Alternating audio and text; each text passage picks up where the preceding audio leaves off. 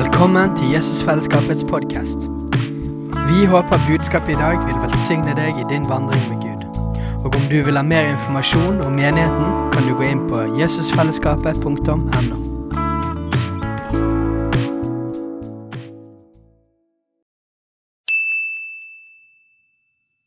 Hei! Visste du at Jesusfellesskapet starter en ny bibelskole til høsten? Den heter Jesusskolen og starter den 3. september. Gå inn på jesusskolen.no for mer informasjon. Jeg husker før når man hører sånn her misjonsoffer, så får man alltid litt sånn her ah, ja, De snakker alltid om penger og sånn her. Så blir det jo da litt annerledes når du sjøl er misjonær og eh, håper å si, lever godt håper å si, av misjonsgavene som kommer. Da merker en hvor velsigna det er. Og det er vi utrolig takknemlige for. Å kunne stå sammen med Nations Calling og si, når vi er der nede i Polen. Det er utrolig fantastisk. Så det vil jeg si mange, mange, mange takk for. Eh, som Fredrik sa, så heter jeg Ronald Gabrielsen, er fra Norge. Eh, vi flytta til Polen i 2014, og vi, tror, vi var de første Nations Calling-misjonærene. Så det er jo sånn litt sånn historisk. eh, før det så hadde jeg og kona mi vi hadde vært ti år i Danmark. Men i 2014 så flytta vi til Polen for å håper jeg, starte opp eh, base der. Og eh, det som vi sånn står i til vanlig eh, når, akkurat når vi flytta ned, så starta vi en internasjonal menighet som er veldig mye retta mot studenter. Lublin er en sånn stor studentby. Veldig mange internasjonale studenter. Eh, og Seinere så starta vi òg en polsk menighet, som faktisk òg etter et og et halvt år, to år, tror jeg, så slo vi oss sammen med en eh, lokal menighet som var der. Så det er nesten sånn en Nations Calling-ting det at istedenfor å splitte menigheter, så uh, slår vi sammen menigheter. Og det er noe, vi vil, vi, vil, jo selvfølgelig ha flere menigheter, men vet du, noen ganger så er det godt å slå sammen for å kunne bre seg lenger ut. Eh, og Vi opplevde òg det at det var jeg håper å si, virkelig noe som Gud var med i altså fullstendig eh, fra begynnelse. virkelig. Eh, I tillegg til det så har vi hatt en helgebibelskole som har kjørt en del år nå. Og vi bor jo veldig tett på Ukraina. Så når hele denne her krigen og alt det starta, da fikk vi slengt håper å si, i fanget en hel masse arbeid som en ikke hadde signa opp for. Men når en var der hvor en var, så hadde man jo ikke noe valg. Måtte, og selvfølgelig er det jo fantastisk å være et sted hvor, hvor det virkelig trengs. Så da plutselig så ble vi kjempeengasjert i nødhjelp. Og eh, her fra Bergen så fikk vi jo masse støtte. Eh, og det er jo fantastisk å si veldig mange tusen takk for den støtten. Den har kommet godt med. Jeg tror faktisk til nå så er vi faktisk nærmere 100 trailere.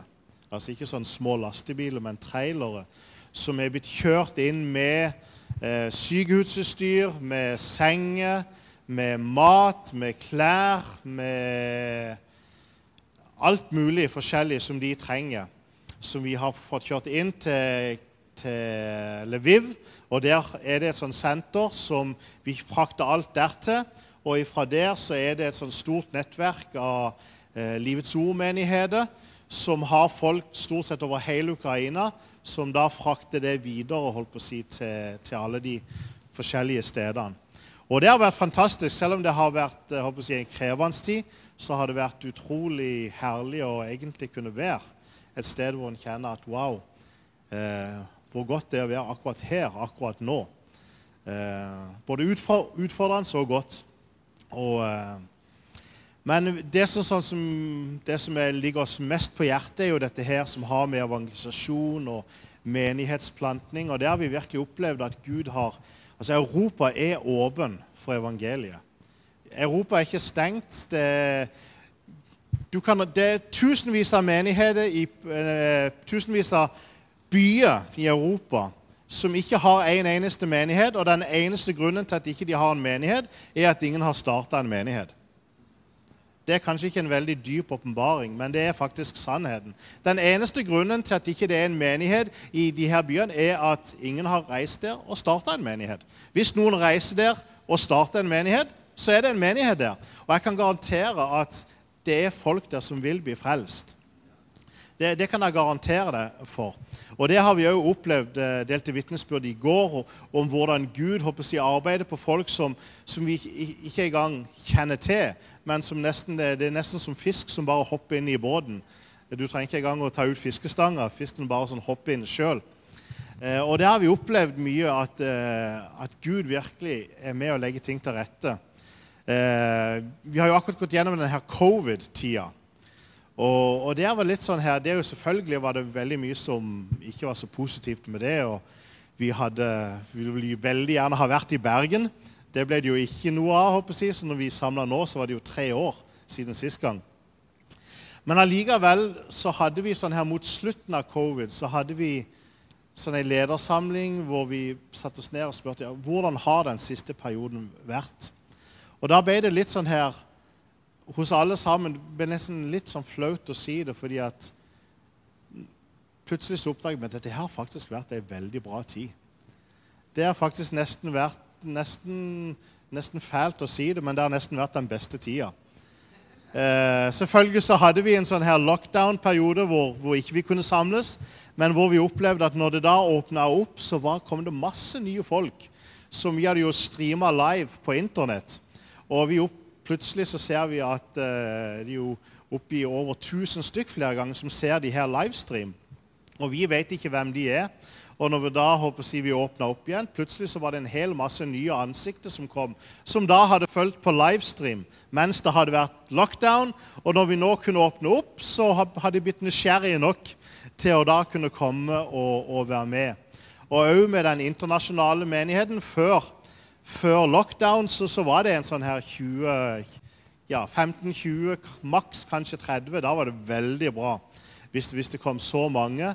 Men hvor etter lockdownen, eh, og når ting begynte å komme seg opp I den tida så hadde det kommet utrolig mange afrikanske studenter til Lublin. Fordi at de åpna opp sånn i forskjellige byer.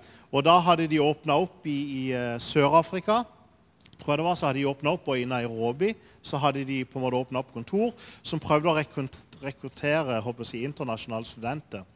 Så jeg, når ting begynte å åpne seg etter covid, så plutselig så spratt den sånn Vi var kanskje sånn 15-20, og plutselig så var det sånn her 40-50. Og da var det veldig fullt. Så begynte det sånn 60. Og da var det sånn at vi måtte sende folk hjem. Altså Vi måtte rett og slett si folk 'Beklager, du er for sein. Det er ikke plass til deg. Du, du, du må gå hjem. Det, det, det, er bare ikke plass.' Eh, og det syns vi jo er skikkelig dårlig, da. Så da måtte vi virkelig finne et nytt sted. Og det har bare fortsatt håper jeg, å vokse og vokse. Og det er bare så fantastisk å se at selv om vi tror at det har vært en down-periode, så plutselig så ser man at selv om vi har tenkt at dette er en down-periode, så, så, har Gud allikevel holdt på å gjøre ting. Og når da ting begynner å åpne, mange av de her afrikanske studentene som har kommet til en ny by, nytt land, ny sted, og plutselig blir sperra inne på en hybel Når det da plutselig blir mulighet til å samle, så blir det sånn Så bare Å ja, det, det vil vi.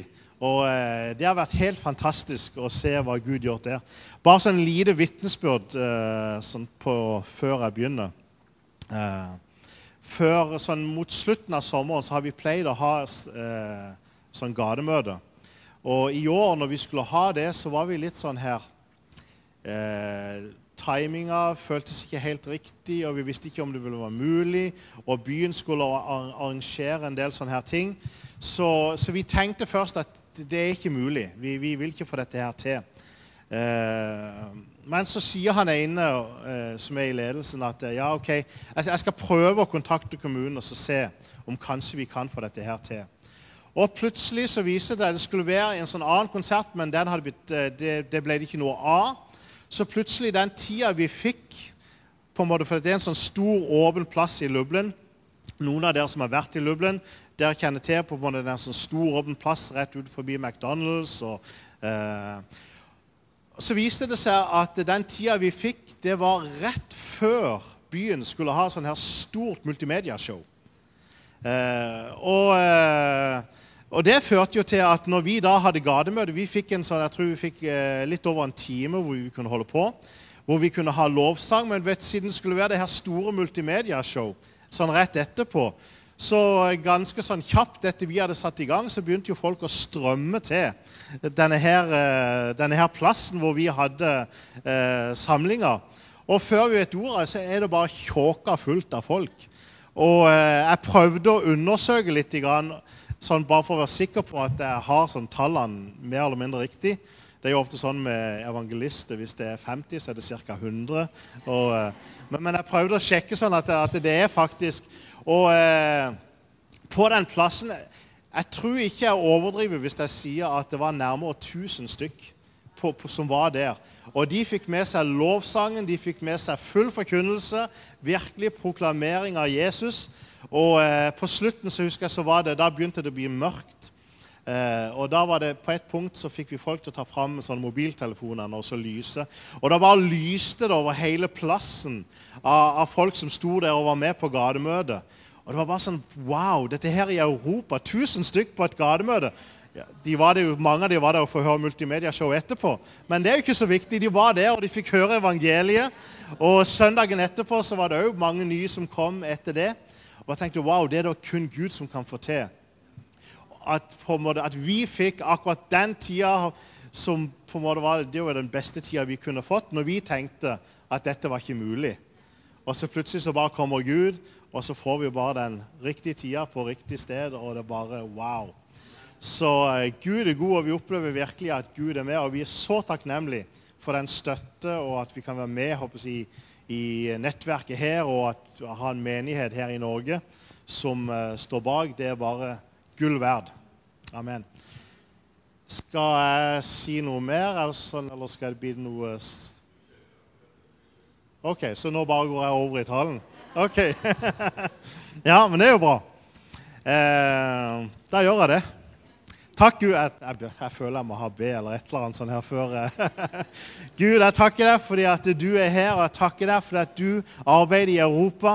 Og takk, Herre, at vi kan få lov til å bruke tid og krefter og energi på ting som har med ditt rike å gjøre, Herre.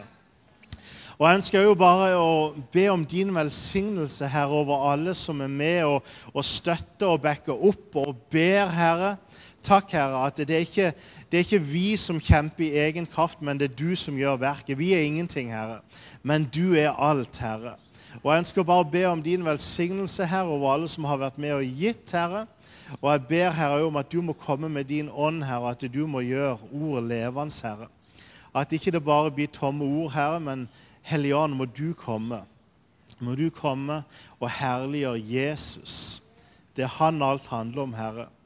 Og vi ber her om at du må komme med din ånd, og at du må bringe åpenbaring og liv, Herre, til det som blir delt, Herre. Halleluja. Amen. Eh, Fredrik har fortalt meg at jeg har ca. en halv time, så han har stor tro. Men eh, det skal jeg da prøve, prøve å holde. Eh, det var veldig bra det som eh, Steinar begynte med.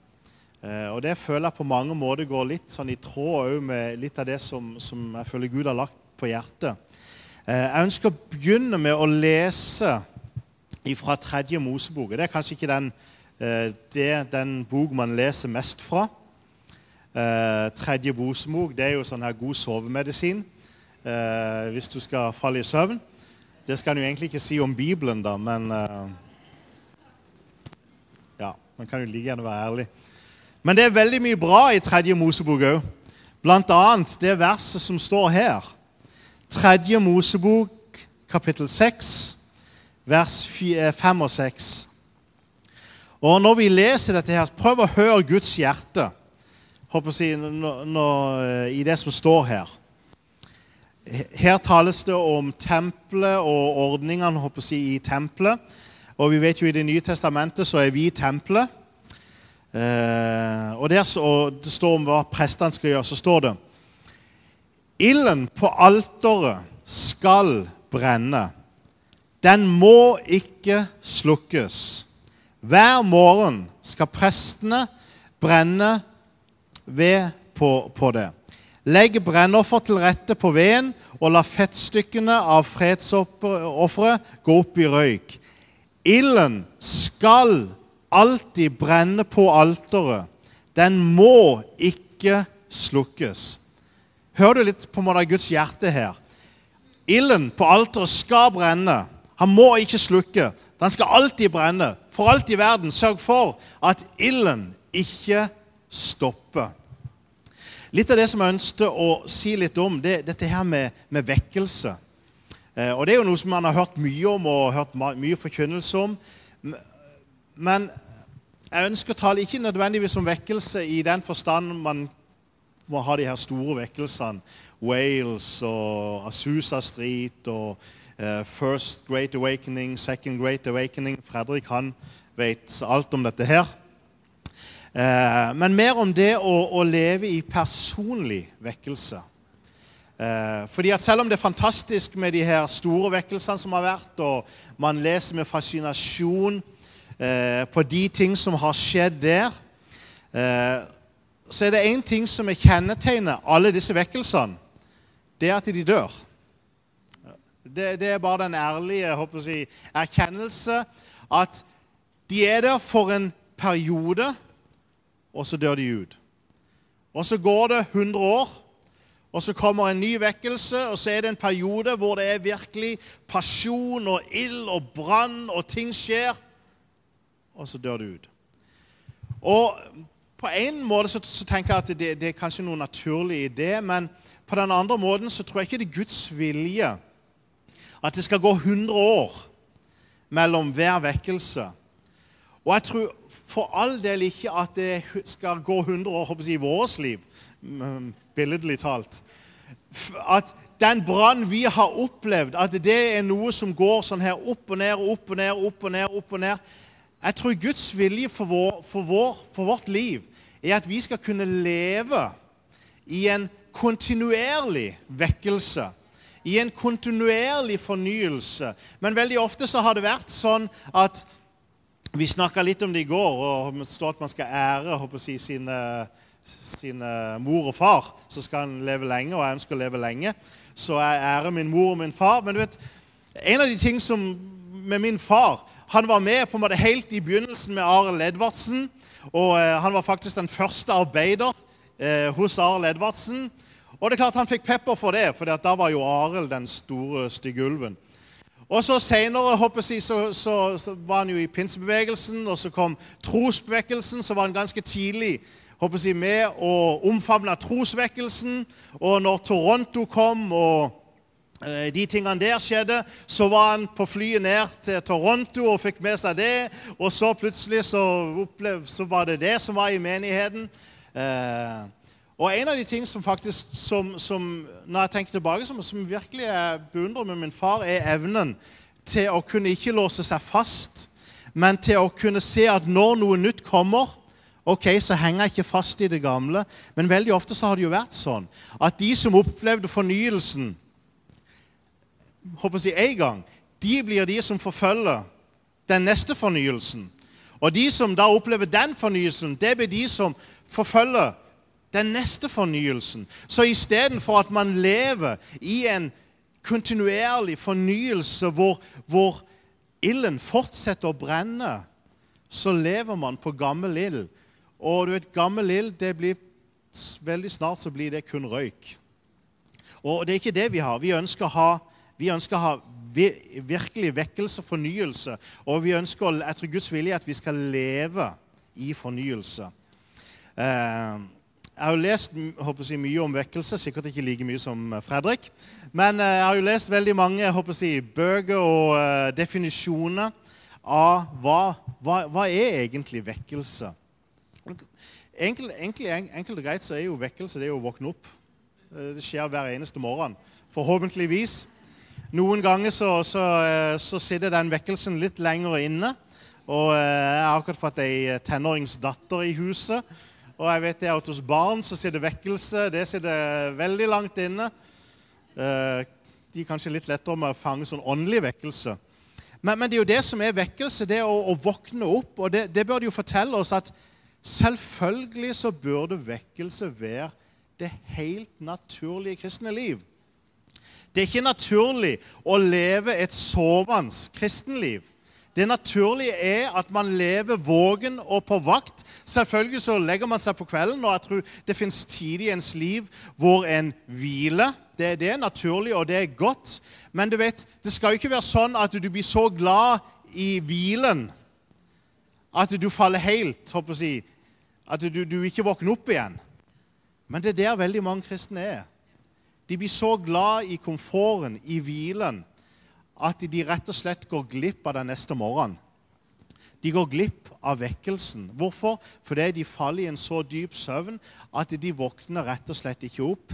Hvor vekkelse Jeg tror det handler om å leve vakt, leve vågen. Og det skal vi som kristne gjøre. Jeg tror vi trenger å leve vågen. Jeg tror, jeg tror ikke mange spør ja, men må vi ha sånn veldig vekkelse og oppstyr. Jeg tror du kan være frelst uten å leve i vekkelse. Gud er nådig, og han er kjærlig. og Absolutt, det tror jeg. Men jeg lurer noen gang på om kan vi møte den tid som kommer imot oss, uten egentlig å være vakt. Og Jeg tror det er en grunn til at Jesus så mange ganger poengterer akkurat det. Hold deg vågen. Vær rede. Sørg for at ikke du faller i søvn. Det er grunn til at de advarslene kommer. De kommer fordi at å falle i søvn er en reell fare som ikke vi kan ta lett på, som vi må være bevisst på. Eh, på engelsk har de jo litt kulere ord for vekkelse, for da heter det 'revival'. Og det er jo mange ting som blir litt kulere på engelsk. F.eks. sånn som når man taler om 'fire' på norsk. Ild. Det, det høres ikke like kult ut. Så kanskje det høres litt kulere ut på engelsk. Men revival det handler jo om å gjenopplive. Gjenvekke noe som, som, som, er der, men som kanskje er blitt døpt, dødt. Og det tror jeg det, det har, det, Vekkelse har med å gjenopplive, våkne opp igjen, noe som allerede er der, som ligger der, men som, som trenger å bli vakt til live. Eh, Charles Finney han er jo en av de her store vekkelsespredikantene.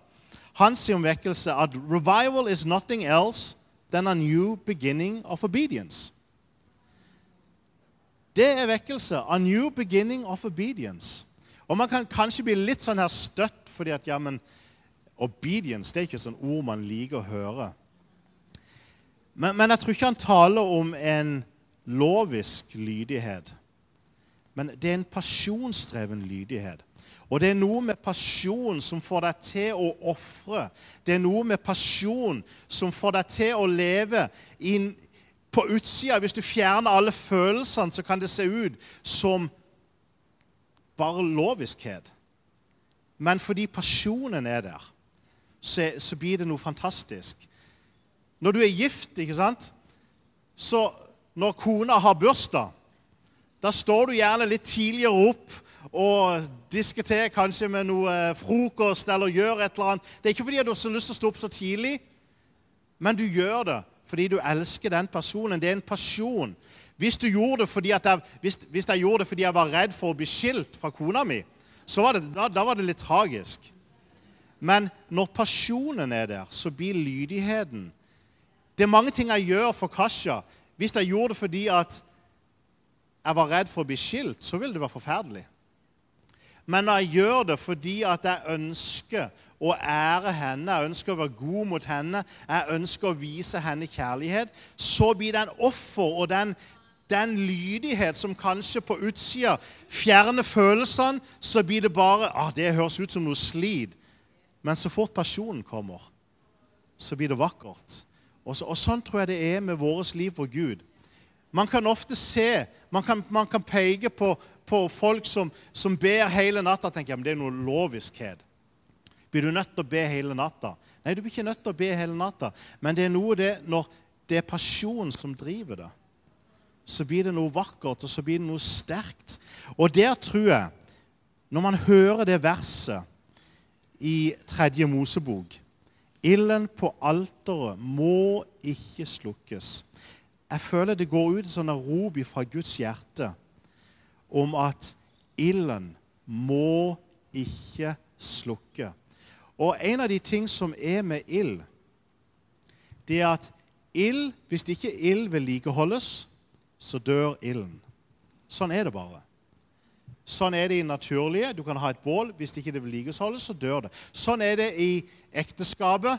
Hvis ikke pasjonen vedlikeholdes, så dør han. Hvis du, opplever, hvis du overlater pasjon i ekteskapet til tilfeldigheter, hva skjer med ekteskapet? Da dør pasjonen.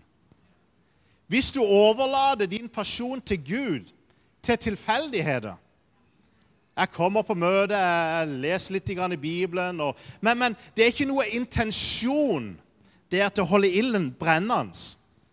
Da kommer ilden til å brenne Nei, til å, til å dø. Og det er ikke fordi jeg ønsker å være negativ. Det er bare sånn det er. Ild må vedlikeholdes. Og Derfor er det jo så viktig med fellesskapet. Det er jo så fantastisk når man Det å kunne komme sammen òg som misjonær i fellesskapet her og få møte håper jeg, Dag, Dag Ane og Laila Nes Peter og de andre håper jeg, som er rundt Jeg kjenner det, det, det vekker noe. Jeg kjente yes, det er godt å drive misjon. Det er litt det er litt tørt sånn når man er der nede i hverdagen. Sånn. Men når man nå kommer sammen, og så kjenner man at pasjonen blir holdt ved like, så sier jeg å, det var godt å få ved på bålet. Det var godt å få lagt det som de blir bedt om å legge på. Det er jo fett. Jeg vet ikke om så mye fett har blitt lagt på. akkurat Det har blitt lagt på her, kanskje. Men, men, men det er noe med, med at det de skulle legge på, det de alteret, det var offer. Offer er noe som koster noe. Hvis jeg ønsker å holde min pasjon brennende, så må jeg ofre. Det er, det er en, en offerpris. Hvis jeg ønsker at min brann skal forbli brennende, så er det en offerpris. Jeg må bringe noe. Jeg må gi noe.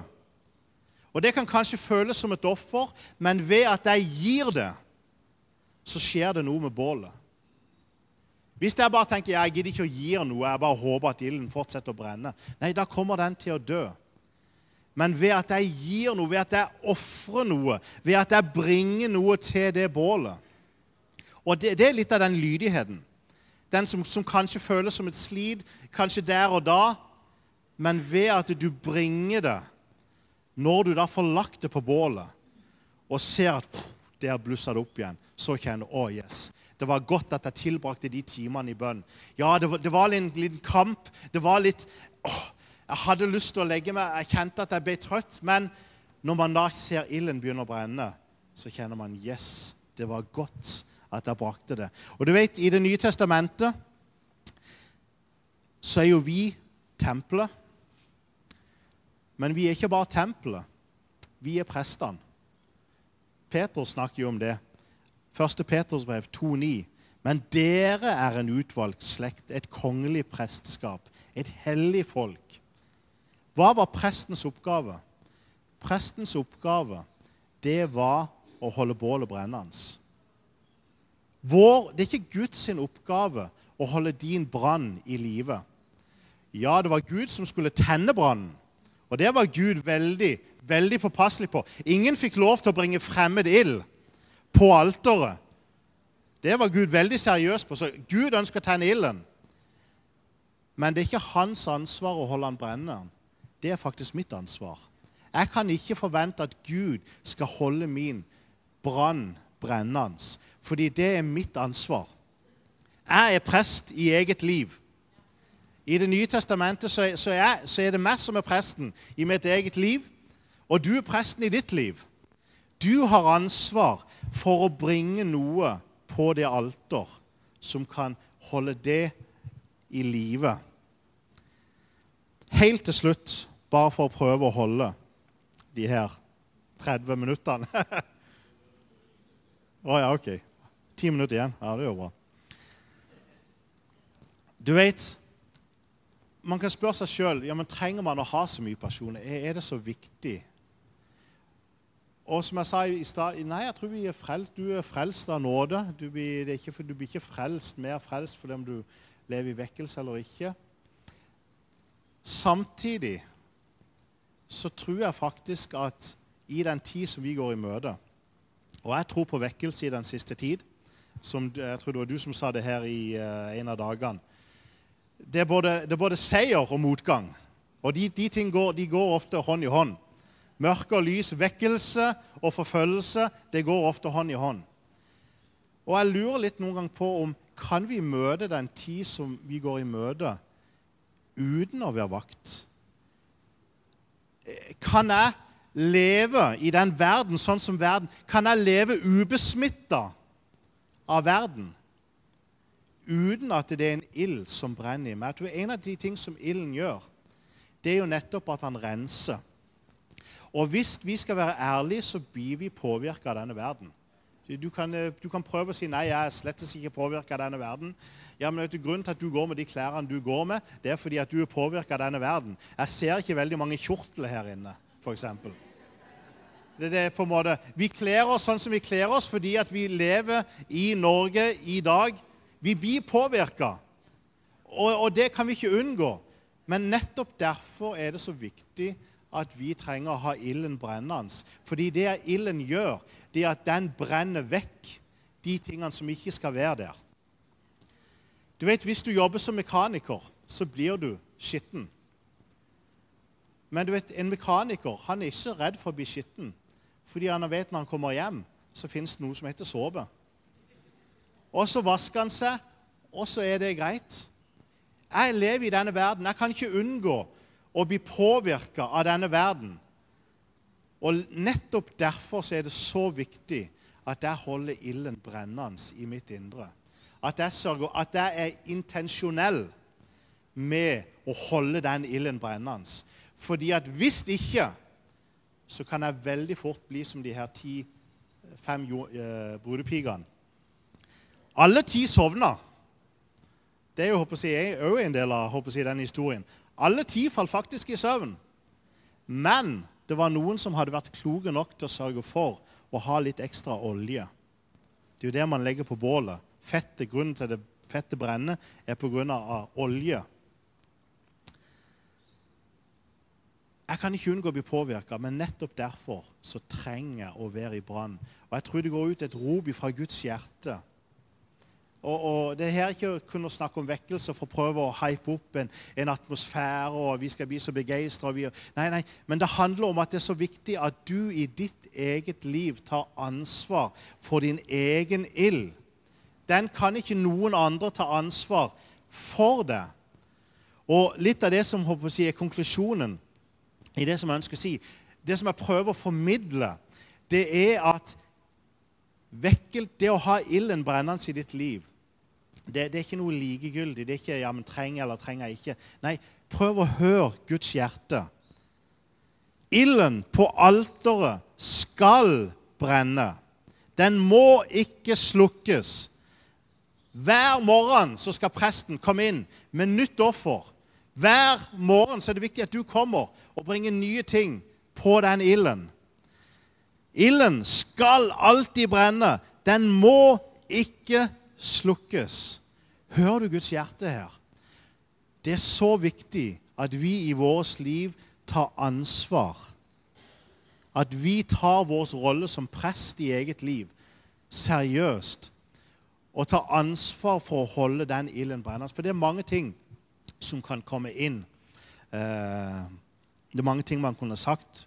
Men, men jeg tror, bare for å avslutte med det, den andre avslutninga Jeg tror det er to veldig farlige fiende når det kommer til vekkelse, til å holde den ilden brennende. Og spesielt kombinasjonen av disse to. Og det er likegyldighet og tilfredshet. Likegyldighet og tilfredshet. Og når du kobler de sammen, så blir de livsfarlige. Likegyldig tilfredshet.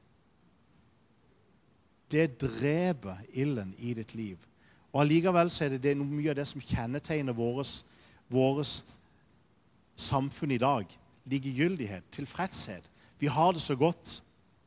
Vi ser barn sulte i Afrika mens vi sitter og spiser vår pizza. Likegyldighet. En av de ting som slo meg når jeg leste Johannes' åpenbaring her, eh, det var menigheten i Sardes. Fordi det står om den menigheten, så står det Det heter om deg at du lever. Men du er døende. Det heter om deg. Jeg tror veldig ofte Jeg er sikker på hvis vi hadde spurt pastoren i Sardes håper si, Har dere vekkelse? Så, ja, ja, ja, vi er jo kjent for vekkelse. Det er, jo, det, det, det er jo det vi har ord på oss for. Og jeg tror Nå står det ikke noe sånn konkret om det, men, men jeg tror faktisk at menigheten Sardes hadde hatt vekkelse. Ilden hadde brent. Men legg merke til Jesus sier ilden var døende. De hadde ord på seg fordi at de hadde vært levende. Fordi Gud hadde sikkert gjort en del ting der. Men hva var det de hadde glemt? De hadde glemt å vedlikeholde ilden. Og fordi de hadde glemt å vedlikeholde ilden, så var ilden døende. Derfor får de beskjed om våkn opp. Våkn opp. Styrk det som er igjen. Jeg tror det ligger en vekkelsesild i Norge som ligger der. Det ligger en vekkelsesarv som ligger i Norge, i det norske folk. Og jeg tror Guds rop går ut. Våkn opp. Styrk det som er igjen, og som holder på å dø. Det er ikke dødt ennå. Vi er ikke fortapt. Er, det er ikke ferdig. Vi har ikke gitt opp. Men styrk det som er igjen, fordi at Gud, han, Gud ønsker vekkelse.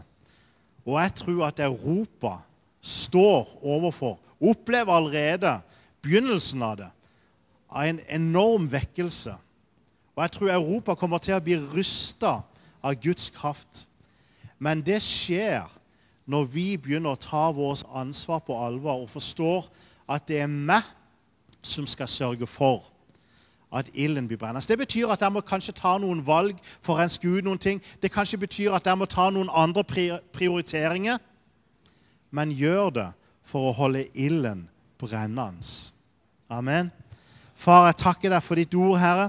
Jeg takker deg at du, du ønsker å tenne den ilden, og du vil tenne den ilden, Herre. Du er nidkjær for å tenne den ilden, Herre.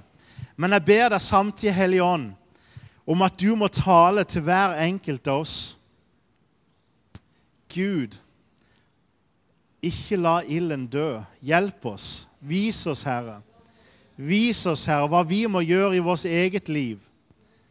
At ikke vi mister den første pasjon, den første kjærlighet, den første hengivenhet. Herre, Hellige Ånd, hjelp oss.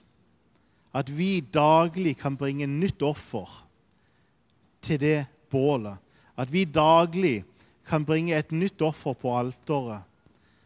Og sørge for at den ilden som du har tent i vårt indre, at den ikke dør, men at den kan brenne til vi trekker vår siste pust.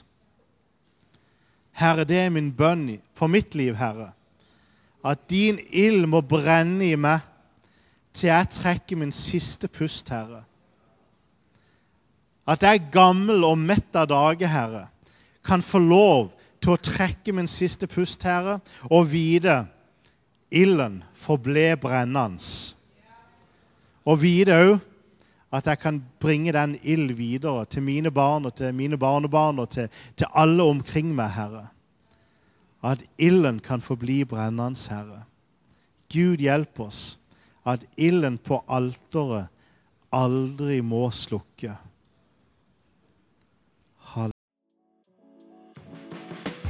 Hei, alle sammen. Det er Katrine og Steinar Lofnes her. Vi er hovedledere for Jesusfellesskapet. Så kjekt du har lyttet til denne podkasten. Har du forresten hørt noen av de andre podkastene våre? Ukens tale, Disippelskolen Hyrdepodden, Kulturkrigen og Mammas hjerte. Du finner disse podkastene på Spotify, Apple Podkaster og på nettsiden vår jesusfellesskapet.no.